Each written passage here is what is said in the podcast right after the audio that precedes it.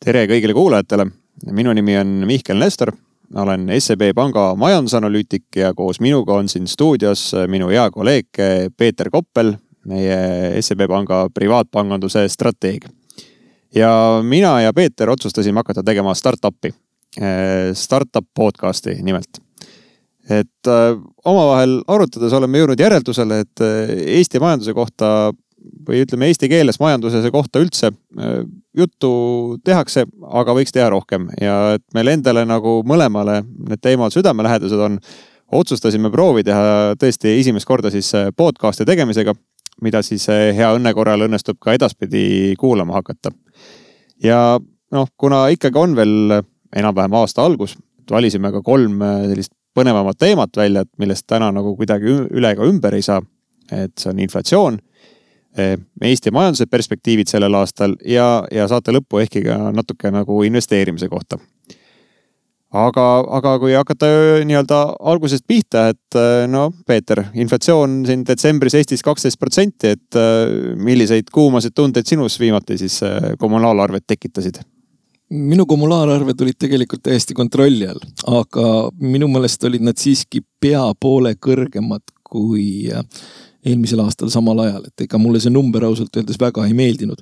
minu jaoks õnneks mitte midagi dramaatilist.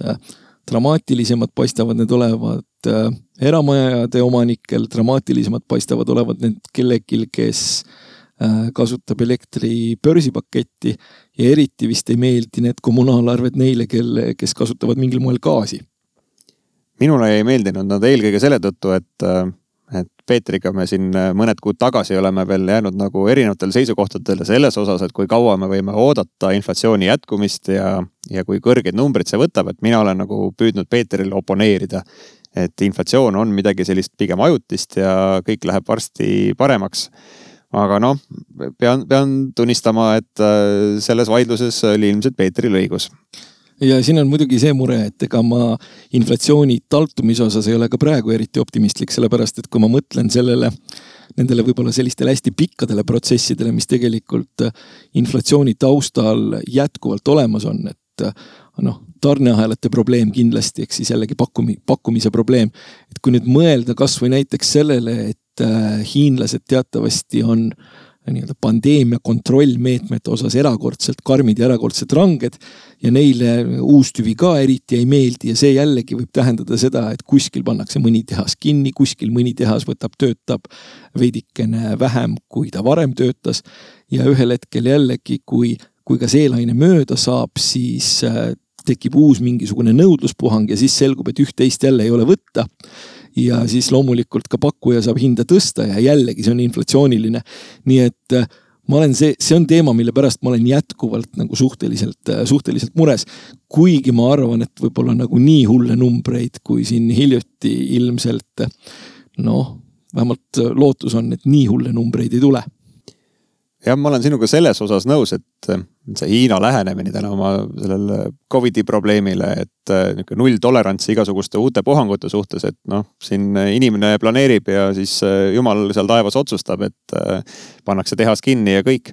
aga noh, suures plaanis mina ikkagi tahaks optimist olla, et kui otsida nagu mingit sellist ka statistilist kinnitust, et siis targad analüütikud New Yorgi föderaalreservis peavad seal sellist indeksit nimega tarneahelate tõrkeindeks.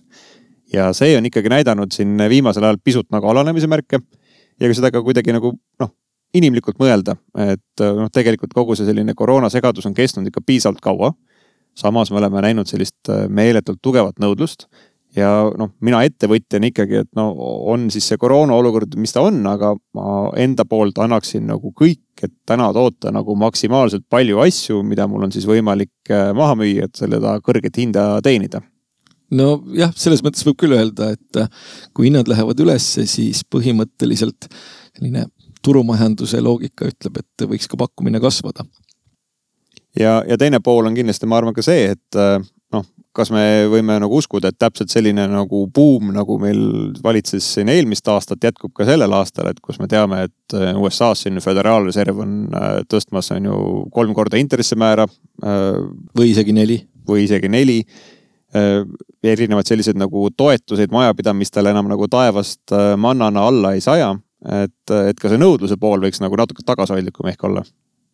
mõnevõrra tõepoolest aga, aga Peeter, mis sinu nägemus on energiahindade kohta, et noh, Eesti kontekstis, et miks me täna nagu oleme kimpus oma arvetega, on ju just täpselt see, et, et gaas on väga kallis, elekter on väga kallis no ütleme nii, et kui mina, mina pean energiahindadest rääkima, siis esimene asi, mis mulle meelde tuleb, on nafta. ja kui ma vaatan äh, nafta hinda ja nafta hinna potentsiaali, siis esiteks noh, mida ma näen, ma näen need, seda, et need, kes turul domineerivad, ehk siis OPEC pluss, OPEC pluss Venemaa, neile praegune nafta hinnatase meeldib noh, loomulikult, kui sa mingisugust kaupa müüd, müüd, siis sellist kõrget hinda äh, küsida on äärmiselt meeldiv. Äh, teine asi on see, et ei, ei paista nagu kuskilt, et selline nafta hind nüüd maailma majandust liiga palju pitsitaks. mis siis tähendab seda et nad tõepoolest saavad küsida kõrget hinda ja nad saavad seda kõrget hinda küsida võib-olla nagu suhteliselt jätkusuutlikult. ja see tekitab sellise olukorra, kus see hind võiks pigem tõusta ja siis see äh, taustal on lisaks veel ütleme see protsess, mis, mis tegelikult ka mõjutab võib-olla seda meie gaasi hinda ja meie elektri hinda ehk siis äh, noh, globaalselt või vähemalt arenenud maailmas on välja kujunenud arusaam, et must ja pruun energia on halvad. Sellepärast, et nad äh, paiskavad õhku igasuguseid ebameeldivaid asju, alates äh, CO2-st kuni, kuni kõige muuni. ja see väljendub ka teatud sellistes majanduspoliitilistes äh, lähenemistes ja see majanduspoliitiline lähenemine on tegelikult tekitanud sellise olukorra, kus siis võib öelda, et energiatootjad ja energiakandjate tootjad ei ole tegelikult teinud pikka aega nagu sellises mahus investeeringuid, äh, mis tegelikult võimaldaks pakkumisega järgi tulla, kui nõudlus märkimisväärselt kasvab. ja siis me olemegi sellises olukorras, kus siis investeeringuid ei ole tehtud.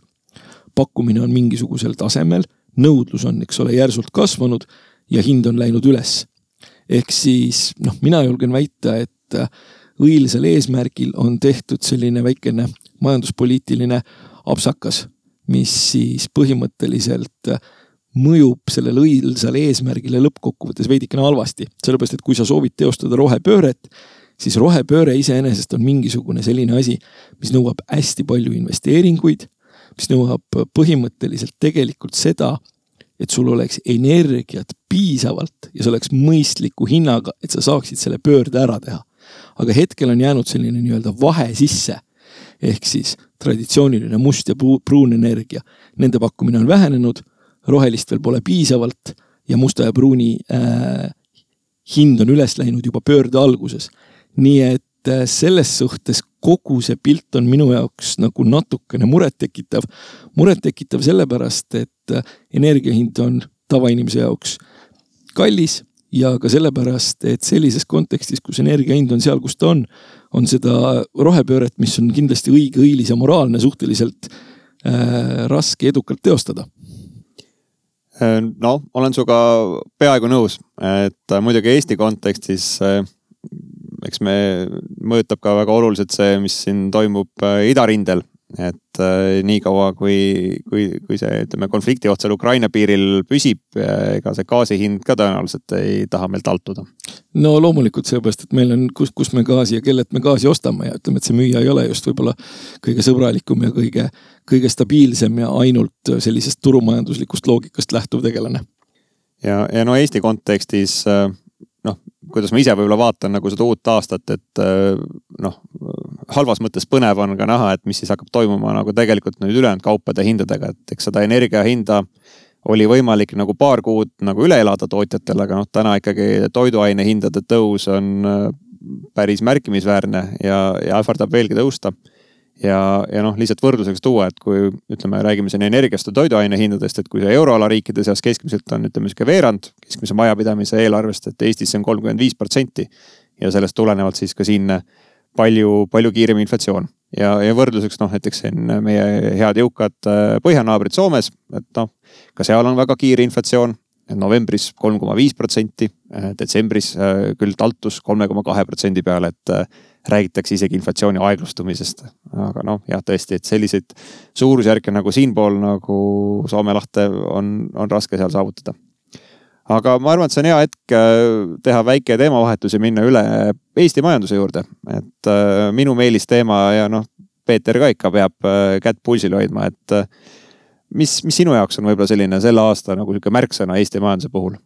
no seesama inflatsioon, mida me mainisime ja, ja, ja ütleme kõik see, mis võib-olla sõltub välistest teguritest, et mis meil seda hinnataset ülespoole ajab, aga noh, minu arusaam Eesti majandusest on selline, et, et ma sageli nagu heas mõttes imestan, et kui, kui kaua ja kui hästi sa oled võimeline sellest rääkima, sellepärast et minu arusaam Eesti majandusest võib-olla mahub sellisesse kümnesse minutisse. ja kindlasti on üks sõna, mille ma alati ära mainin, on tööjõupuudus. ehk siis meil on tööd palju, mm, inimesi vähe. Äh, tööpuudus isegi põhimõtteliselt tervisekriisi kontekstis allapoole naturaalset määra. ja see põhimõtteliselt tekitab olukorra, mis võib-olla töövõtjale on kohti päris meeldiv, ehk siis äh, surve palkade, palkade kasvuks. et see on, ütleme selline märksõna, mida, millest Eesti kontekstis minu meelest tuleb alati rääkida tõepoolest äh, tööjõukriis äh, tabas nagu ka äsja mind, et äh, tahtsin minna õhtul oma lemmiklihapoodi ostma järgmiseks päevaks praadi perele ja ukse peal oli silt, et nende tööajad on juba oktoobri saadik lühendatud, kuna pole lihtsalt leida töötajaid. kas see on midagi sellist, mida me näeme veel rohkem? ma arvan, et me näeme selliseid asju, asju, asju veel rohkem ja noh, loomulikult see on, see on selgelt problemaatiline, sellepärast et see võimaldab tegelikult Äh, noh, saada rohkem palka või teenida rohkem, ilma et peaks oluliselt midagi paremini tegema. Ja pikas perspektiivis minu meelest selline asi majandusele nüüd tervislik küll ei ole. jah, et noh, minu jaoks ka, ma arvan, et äh, kui sa küsiksid minu käest, et mis minu jaoks see märksõna sellel aastal on, et äh, on tõenäoliselt isegi palgakasv. et jah, inflatsioon meid mõjutab väga palju, aga täna me oleme nagu sellises seisus, kus inimestel on, ma arvan, üle aegade kõige paremad võimalused seda palga, inflatsiooni endale läbi palgakasvuga kompenseerida.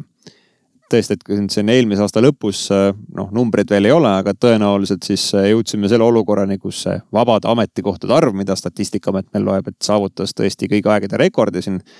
noh, vähemalt siin viimasel, viimasel kümnendil.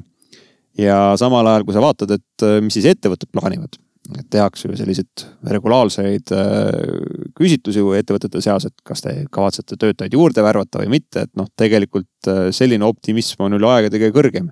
Kõik praktiliselt soovivad juurde värvata ja noh, eriti veel tööstussektor, kus see näitaja vist ei olegi kunagi nii kõrgel olnud nojah, ja selles mõttes, et kui kõik soovivad juurde värvata ja inimesi samas on vähe, siis loomulikult see tekitab, tekitab täiendava surve palkade kasvuks. aga siin võib-olla on hästi nagu põnev ka see, et kui võib-olla varasemalt on seda palgakasvu pilti olnud võimalik vaadata niimoodi, et noh, palgad kipuvad kasvama igal pool, siis nüüd see minu meelest on veidi hakanud diferentseeruma. ehk siis noh, IT-sektor on midagi sellist, kus, kus see palgaralli on muudest sektoritest nagu selgelt Äh, kiirem olnud ja tõesti, tõepoolest võtab kohati nagu kukalt kratsima, et endagi karjääri lõikes, et äh, noh, oled küll tükk aega majandust õppinud ja võib-olla mingisugustest asjadest oled lõpuks isegi hakanud aru saama, aga võib-olla oleks ikka pidanud programmeerijaks minema. Ja ka mina jalutasin üks hommikul tuttava IT-firma värbajaga tööle ja siis ta andis parajasti ülevaate nagu töökohtadest, kuhu ta inimesi värbab ja sealsest palgatasemest ja see tegi mulle haiget. Aga noh, kui jällegi rääkida neist, noh, kui me räägime suures pildis sellest palgakasvust, et äh, tegelikult noh, mulle tundub küll, et tänavu see puudutab praktiliselt kõiki alasid. ja, ja noh, mina alati nagu proovin mingit positiivset külge ka selles näha. Ja, ja positiivne minu meelest on see, et ega Eestis on ilmselt nagu väga palju töökohtasid, ameteid, kus see töö, mis sa teed, noh, see on töö, mis kellelegi eriti ei meeldi, et see on selline nagu tüütu, rutiinne, halvasti makstud, äh, ruumid on jahedad, äh, ülemus on kuri et ma, ma nagu loodaks, et äh, see kiire palgakasv aitab nagu selliseid halbasid töökohtasid nagu eemale meist peletada. et olukorras, kus töötajal on valida, saab veel palka ka juurde küsida, et äh, äkki jäävadki nagu sõelale sellised tugevad ettevõtted, mis teevad Eesti majanduse kuidagi konkurentsivõimelisemaks ja meid ühiskonnana jõukamaks. no loodetavasti ja siis loodetavasti on ikkagi ka, kui sa räägid palgakasvust, siis loodetavasti see inflatsioon nii kole ei ole, et lõppkokkuvõttes me saame rääkida ka reaalpalga kasvust noh, jah, et äh, eks me näeme, mis täna nende prognooside tegemine on tänamatu, et äh, siin SEB on varsti oma värske majandusprognoosiga välja tulemas, et äh, meie vähemalt julgeme veel lubada suuremat palgakasvu, kui see on inflatsioon, et ma arvan, ma selle peale isegi olen nõus nagu raha peale kihla vedama, et, et nii see läheb. Aga noh, mis ma veel võib-olla nagu tahaksin selle palgakasvu puhul nagu sisse tuua, on see, et Eesti noh, kui ma räägin jällegi sellest nagu makromajandusest, et noh, miks me seal võrreldes mingisuguste teiste riikidega paistame kuskil edetabelites võib-olla kehvemat silma. on olnud üks tegelikult suur põhjus on see, et Eesti töötlev tööstus on olnud äh, kohutavalt vähetootlik. et lihtsalt noh, see summa raha, mida me siis nagu tööstusettevõtted ühe, ühe töötaja kohta teenivad, on väga väike ja seda mitte siis võrreldes nagu Rootsi või Soomega, vaid võrreldes isegi Leeduga, on ju, kellest me üldiselt tahame ennast mõelda kui, kui natuke jõukamast riigist ja, ja põnev ongi see, et äh, mulle tundub, et siin on nagu siuksed vastandlikud jõud nüüd mängus, et ühelt poolt sihuke väga kiire palgakasv, vähetootlik tööstus. võiks justkui ennustada, et äh, selles olukorras mingisugune seltskond neist siin otsustab ennast kokku pakkida, kolida kuhugi teise riiki, kus on nagu soodsam neid äh, odavaid asju toota. teisalt me teame, et see koroona on tekitanud ikkagi nagu paraja paanika ka oma sellise tarneahela kindluse osas ja noh, täna täpselt kolida kuhugi Hiinasse, kus sul valitsus võib iga hetk öelda, et äh, kuna sul oli üks koroonajuhtum, peate nüüd tehase kuuks ajaks kinni panema. et seda ilmselt nagu väga paljud nagu ette ei võta. kuidas sinu nagu selline üldine seisukoht on võib-olla selles osas, et noh, see suured nagu tarneahela probleemid siin, et äh, kas need nagu sunnivad selliseid plaane nagu ringi tegema? no Hiina puhul võib muidugi ja Hiina kolimise puhul võib mm, tuua ka sellise aspekti, et võid tahta sinna kolida küll, aga sulle öeldakse, et selle asemel, et saada kuus päeva nädalas elektrit, sa saad äh, ühe päeva ja ühe öö, sellepärast et ka seal on energiakriis. aga see selleks, no kui väga suurt pilti vaadata, siis noh, mina eeldaks vähemalt seda, et kui meil on äh, töötlev tööstus, töötlev tööstus on madala tootlikkusega, võib-olla kohati tööjõumahukas et see tööjõu kallimi, kallinemine tegelikult äh, tõukab innovatsiooni tagant ja tõukab tagant äh, võib-olla automatiseerimist ehk seda tootlikkust, äh, tootlikkust ka tõsta. ja mis puudutab, ütleme sellist soovi kuhugi kolida ja midagi odavamalt toota, siis ka see on midagi sellist, mis, mida on täna tegelikult võib-olla suhteliselt raske mm, teha. ehk siis, kui kõiki asju kokku kokku hakata lööma, siis ei pruugi ka ikkagi äh, see nii-öelda Excelisse joone alla jääv joone alla jääv number olla, olla selline, mis sunniks nagu siit ära kolima. aga teatud surve sellise tootlikkuse tõstmiseks ja võib-olla täiendavaks automatiseerimiseks, see on minu meelest töötlevas tööstuses siiski olemas. no aga, aga väga hea, esialgu peab ikkagi siis nagu palka veel rohkem juurde maksma no paraku peab. ja, ja mis on veel nagu muidugi siin äh, rahva tarbimisharjumusi või seda aitab tõsta, on see, et äh, pensionireform nii-öelda jätkub. et tegelikult jaanuari alguses meil siin juba äh, väiksele seltskonnale laekus kontodele kuskil seitsekümmend viis miljonit eurot mai alguse seisuga peaks tulema veel nagu kaks korda suurem summa. et tegelikult see on jälle üks selline nagu rahalaev, mis et mis, mis, mis kraan on ja avatuna jäetud, et mis tegelikult peaks meil seda sisemaist tarbimist, äh, majandust nagu võimendama. ja paraku ka toitma kohalikku inflatsiooni. ja, ja kinnisvara hindasid, et äh, noh, et aasta algus, et äh, hea hetk küsida, Peeter, et kas see on nüüd aasta kaks tuhat kakskümmend kaks see aasta, kui sa oma esimese korteri ostad? ei mul on selles mõttes suhteliselt äh, selge arusaam sellest, et korter ei ole midagi sellist, mida ma tahaksin. ja kui ma nüüd nagu vaatan neid hinnatasemeid, siis ütleme nii, et need hinnatasemed ei ole minu meelest ka kuidagi, kuidagi mingisugusel tasemel sellised, mis oleks minu meelest mõistlikud. aga see ei tähenda seda, et need hinnatasemed ei võiks äh, veelgi kerkida, sellepärast et noh, ma olen lihtne inimene, minu arusaam kohalikust kinnisvaraturust on selline, et see sõltub kahest asjast sõltub raha kättesaadavusest ja sõltub tarbija usaldusest. kui tarbija usaldust vaadata, siis tarbija usaldus ilmselt püsib enam-vähem äh, okei okay,, kui need kommunaalarved liigseks ei lähe. Äh, kuna on palgakasv, raha kättesaadavus Euroopas suure tõenäosusega püsib päris hea. ja see tähendab seda, et kinnisvarahinnad vähemalt märkimisväärselt, märkimisväärselt ei kuku. aga jah, mul on kinnisvarast natukene teistsugune, teistsugune arusaam, et ma pigem äh, võtan, üürin linnas midagi rahulikumat ja ühel hetkel, ühel hetkel veidikene kaugemale kuhugi metsa ehitan endale midagi majalaadset no aga praegu äkki mõni soodne elektriküttega maja metsa vahel praegu ma arvan, võib, võib ka turule tulla neid. ma kahtlustan, et mingisuguse, mingisuguseid selliseid objekte, kus kus need küttearved on ületanud ja, ja elektriarved on ületanud nagu sellise mõistlikkuse piire, et neil, neid ilmselt nende hindu igal juhul kärbitakse küll. kuigi noh, ütleme, et ka kinnisvaraportaalides surfates ma nüüd mingisugust märkimisväärset mõju sellel veel näinud ei ole. ja, ja noh, mul on ka jäänud mulje, et täna nagu, mida ostjad tahavad, on ikkagi see uusarendus kalamajas, et äh, võib-olla ka nende elektriküttega majade järgi polnud see nõudlus nagu varasemalt äh, niivõrd suur. jah, selles mõttes, et ise kalamaja elanikuna ma kahtlustan, et kui seal nii palju arendatakse, siis see selline natukene, kuidas nüüd öelda, tohletanud puidulõhnaline romantika on seal ühel, ühel hetkel nagu vähemuses. aga, aga kinnisvara investeeringuna, et noh, varasematel aastatel mulle tundub, et Eestis on selline nagu popp teema olnud, et inimesed võib-olla natuke neid väärtpaberiturge veel kartsid ja see selline üürikorteri ostmine või midagi sellist, et see, see tundus selline kuidagi lihtne viis oma raha parkimiseks, et täna nagu me näeme, et ikkagi inimestel raha endiselt on palju käes. et kas, kas see ka jätkub? Mm, keeruline küsimus, sellepärast et minu meelest need üüritootlused, mida on võimalik saada, ei ole nüüd enam selgelt nagu nii atraktiivsed, aga, aga selles mõttes, selles mõttes võib-olla ei ole, ei ole see küsimus nüüd nagu nii põletav, et kui ikkagi võtta selline tubli Eesti töömees ja äratada ta hommikul ehmatusega üles ja küsida, et, et mis on siis nagu kõige parem kaitse inflatsiooni vastu, siis ta kindlasti ütleb, et kinnisvara. Ja, ja noh, üüritootluse kõrval ma arvan ka see varahinna, varahinna kasvust, nende kapitali, kapitali tootlus on tegelikult see, mis on suhteliselt neid kinnisvaraomanikke rikkamaks teinud. Äh, loomulikult, aga nüüd on küsimus jällegi, et, et kas praeguses kontekstis on põhjust nagu sarnase tempoga kapitali kasvust äh, äh, rääkida, noh, mina arvan, et tänasel päeval nagu sarnase tempoga kapitali kasvust võib-olla rääkida enam ei ole, ei ole, ei ole kohane. aga palgad kasvavad väga palju. ja tarbija usaldus püsib.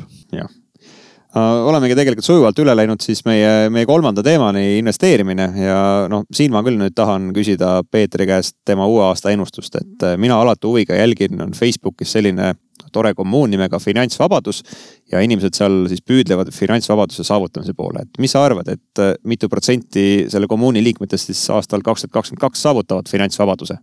Mul on selline väikene probleem, et ma ei ole väga täpselt aru saanud, et mida see finantsvabadus tähendab. et kas see finantsvabadus tähendab seda, et ma ei pea tööl käima või seda, et mul on helikopter.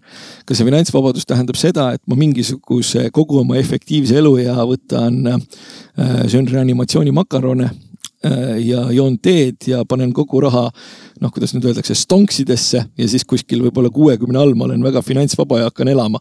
et ma ei ole sellest päris hästi aru saanud. nii et äh, minu jaoks see finantsvabaduse kontseptsioon on natukene selline äh, udune, aga see selleks. mis ma selle aasta kohta arvan, ma arvan seda, et võib-olla kuna keskkond on natukene muutumas, keskkond on muutumas selles mõttes, et raha on minemas veidikene kallimaks eriti siis Ühendriikide kontekstis, intressimäärade kontekstis. ja see tähendab seda, et kõik, mis on intressitundlik või kõik, mis on valuatsioonide mõttes kallis, et see ei ole enam nüüd nii atraktiivne. ja seda on põhimõtteliselt olnud võimalik, võimalik ka juba tegelikult äh, selle aasta alguses näha, et aktsiad justkui jätkuvalt meeldivad aga toimub rotatsioon, toimub rotatsioon tehnoloogiast nii-öelda väärtusaktsiatesse tegelikult. ja see on selles mõttes omamoodi jällegi äärmiselt huvitav äh, protsess, et äh, inimesed vaatavad indekseid, inimesed vaatavad suuri indekseid, vaatavad, oi, suured indeksid on miinuses, nüüd on kõik halvasti. kui hakata nüüd siis nagu natukene minema siis üldiselt üksikule, siis mida on võimalik täheldada, täheldada on võimalik seda, et äh, indeksid on alla toonud suure kapitalisatsiooniga tehnoloogiaettevõtted ehk siis tehnoloogia on see, mis pihta on saanud.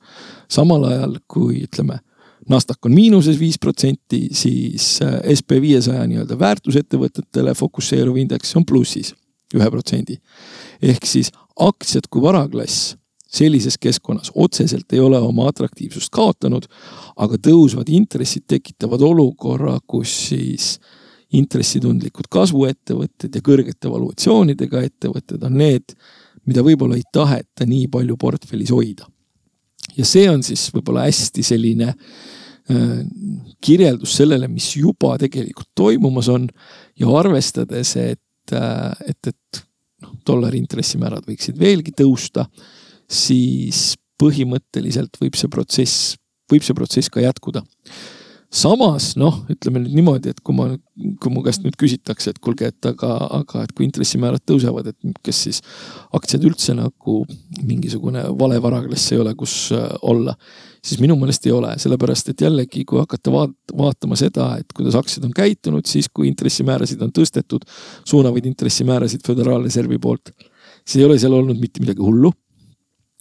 ja, ja, ja teine asi on see, et et noh, millistest intressimääradest me siis ikkagi räägime, meil on Ühendriikide kümneaastane see riigivõla tootlus on alla kahe protsendi. ja alla kahe protsendi see ei ole midagi sellist, mis oleks niivõrd atraktiivne, et kohutaval kombel raha tahaks ennast sinna ära parkida. huvitavamaks lähebki see kuskil kahe juures, kahe koma kahe juures. aga siis me võtame jälle Ühendriikide inflatsiooni, mis on tõenäoliselt olnud siin, eks ole, päris kõrge. viimane number, mis, eks ole, tuli, oli, oli minu meelest kuskil seitsme juures ja see oli neljakümne aasta kõige kõrgem. ja kui te nüüd jälle nagu mõtlete mingisugustele sellistele inflatsiooninumbritele ja siis sellistele paariprotsendilistele intressidele, siis võtab, paneb kukalt sügama ja tekitab jällegi tunde, et peaks ikkagi nagu mingisuguste varadega veidikene, veidikene riski võtma. nii et seda aastat vaadates eelkõige esimest kvartalit ma ütleksin, et rotatsioon sellest, mis on kallis, sellesse, mis on mõistliku hinnaga, sellest, mis on äh, ulme tulevik ja futu, sellesse, mis on traditsiooniline, tavaline ja, ja, ja igapäevane. no sinna kommentaariks lihtsalt, et sinu jutu alguse juurde, et mis on finantsvabadus, et mina saan aru, et iga normaalne Eesti mees peaks endale helikopteri suutma osta, et äh, on nagu mille poole püüelda aga, aga mina võrdlesin ka siin nagu noh, mulle meeldib ka natuke nagu Excelit pidada, et kuidas mul siis nagu need tulud-kulud siin äh, plussi-miinusesse tulevad ja, ja vaatasin ka, et oma eelmise aasta nagu isikliku väikese portfelli kasvu ja noh, polnud nagu hullu, aga siis äh, noh, tekkis kiuslik mõte, et huvitav, et äh, noh, kui ma oleksin nagu valinud, siis teadnud, et millised hobused olid, et kuidas siis oleks saanud nagu püstirikkaks eelmisel aastal et selgus, et oleks, kui ma oleks ostnud siis aastal, äh, eelmisel aastal, esimesel jaanuaril äh, Dogecoini, oleks minu vara väärtus kasvanud äh, tuhat kuussada kuuskümmend viis protsenti. aga kui ma oleksin ostnud Shiba Inu coin'i, oleks kasvanud kolmkümmend miljonit protsenti. vot, võid olla analüütik, aga näed sa no ütleme niimoodi, et küsimus ei ole mitte ainult sellest, et võid olla analüütik, vaid sa võid olla ka kõige paremini nii-öelda ajudega ja, ja tehniliselt varustatud äh, hedge fondi juht Ühendriikides ja kui ma nüüd su käest küsin, et mis sa arvad, võtta sellisest suurest hedge fondi universumist, et mitu, mitu hedge fondi eelmine aasta sada, Standard Poor's viitesadat ületada suutis oma tootluselt mm,? no eelmine aasta ma arvan, et väga palju neid ei pruukinud olla, et oli selline, ma ütleks, et võis nagu viltu minna nende pakkumistega neil neid äh, hedge fonde, kes suutsid Standard Poor's viitesadat ületada, oli kolm.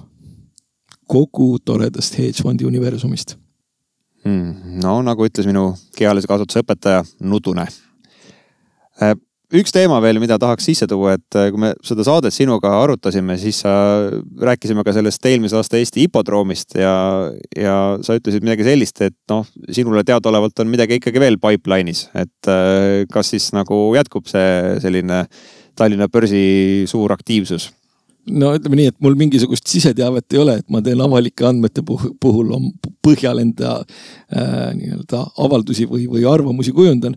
et see oli tõepoolest Äripäevas oli selline nupukene äh,, nupukene äh, sees, kus siis räägiti, et pipeline on olemas. kui ma nüüd mõtlen sellele hipodroomile kui nagu kontseptsioonile, siis natukene võib-olla on see veidikene kummaline, see on kummaline selles mõttes, et äh, kas nüüd tõesti sellise suurusega ettevõtted peaksid olema börsil noteeritud isegi noh, ma räägin siin sellistest nagu väiksematest ettevõtetest, kes lähevad sellisesse huvitavasse nimekirja nagu First North. et need on ikkagi suhteliselt sellised pisikesed ettevõtted ja, ja nüüd tekibki küsimus, et miks nad seal on, et kas nad kuskilt tõesti nagu finantseerimist ei leia. või nad tahavad lihtsalt võtta, tekitada oma osalusele, mingisugustele osalustele mingisuguse väärtuse. sest see kõik on kuidagi natukene selline noh, see mastaap on ikkagi hästi noh, nagu sa head väljendit kasutasid oma, oma kehalise kasvatuse õpetaja väljendit, et see on, see on kuidagi nutune. et äh, omada mingisugust portsu suhteliselt väikeste ettevõtete aktsiaid portfellis, no ma ei tea. jah, need tootlusprotsendid võivad olla ju kohati nagu päris toredad. aga minu meelest on ka riskid suhteliselt sellised noh, proportsionaalsed vähemalt. ja, ja suurt raha ju sinna ei ole võimalik paigutada ja Peeter, aga ma võin sulle vastata, et see nüüd ei ole küll millegi minu mõte, aga, aga ma olin jälle Facebookis ja leidsin sealt sellise toreda ütluse, et äh, ettevõtte esmase aktsiaemissiooni eesmärk on pakkuda ettevõtte juhtkonnale paar aastat lahedat äraelamist no mõningate IPO-de puhul on ka mul umbes samane, sarnane mõte tekkinud, aga noh, ütleme, ma võib-olla ei ole julgenud seda nii kõvasti öelda. Aga noh, positiivne on vähemalt see, et siis eelmise aastaga jõudis Tallinna börsil jaeinvestorite arv äh, rohkem kui saja tuhande inimeseni, et äh, äkki see trend nagu jätkub, et noh, ma arvan, et suures plaanis see on ju tore, et kui inimesed nagu tunnevad investeerimise vastu huvi, et äh, aitab ka nagu omaenda rahaasjad läbi mõelda ja, ja aru saada, et kust siis raha ja väärtus tuleb. aga meil on tänane aeg kahjuks otsakorrale jõudnud, et ma arvan, et oli väga tore, Peeter, sinuga neid majandusasju arutada. ja kui ka kuulajatele see meeldis, et andke meile teada, et äh, äkki siis tuleme veebruaris jälle kokku ja, ja vaatame, mis siis nagu Eestile ja maailma majandusel meile põnevat pakkuda on. aga teeme nii ja kõike head kõigile. aitäh kuulamast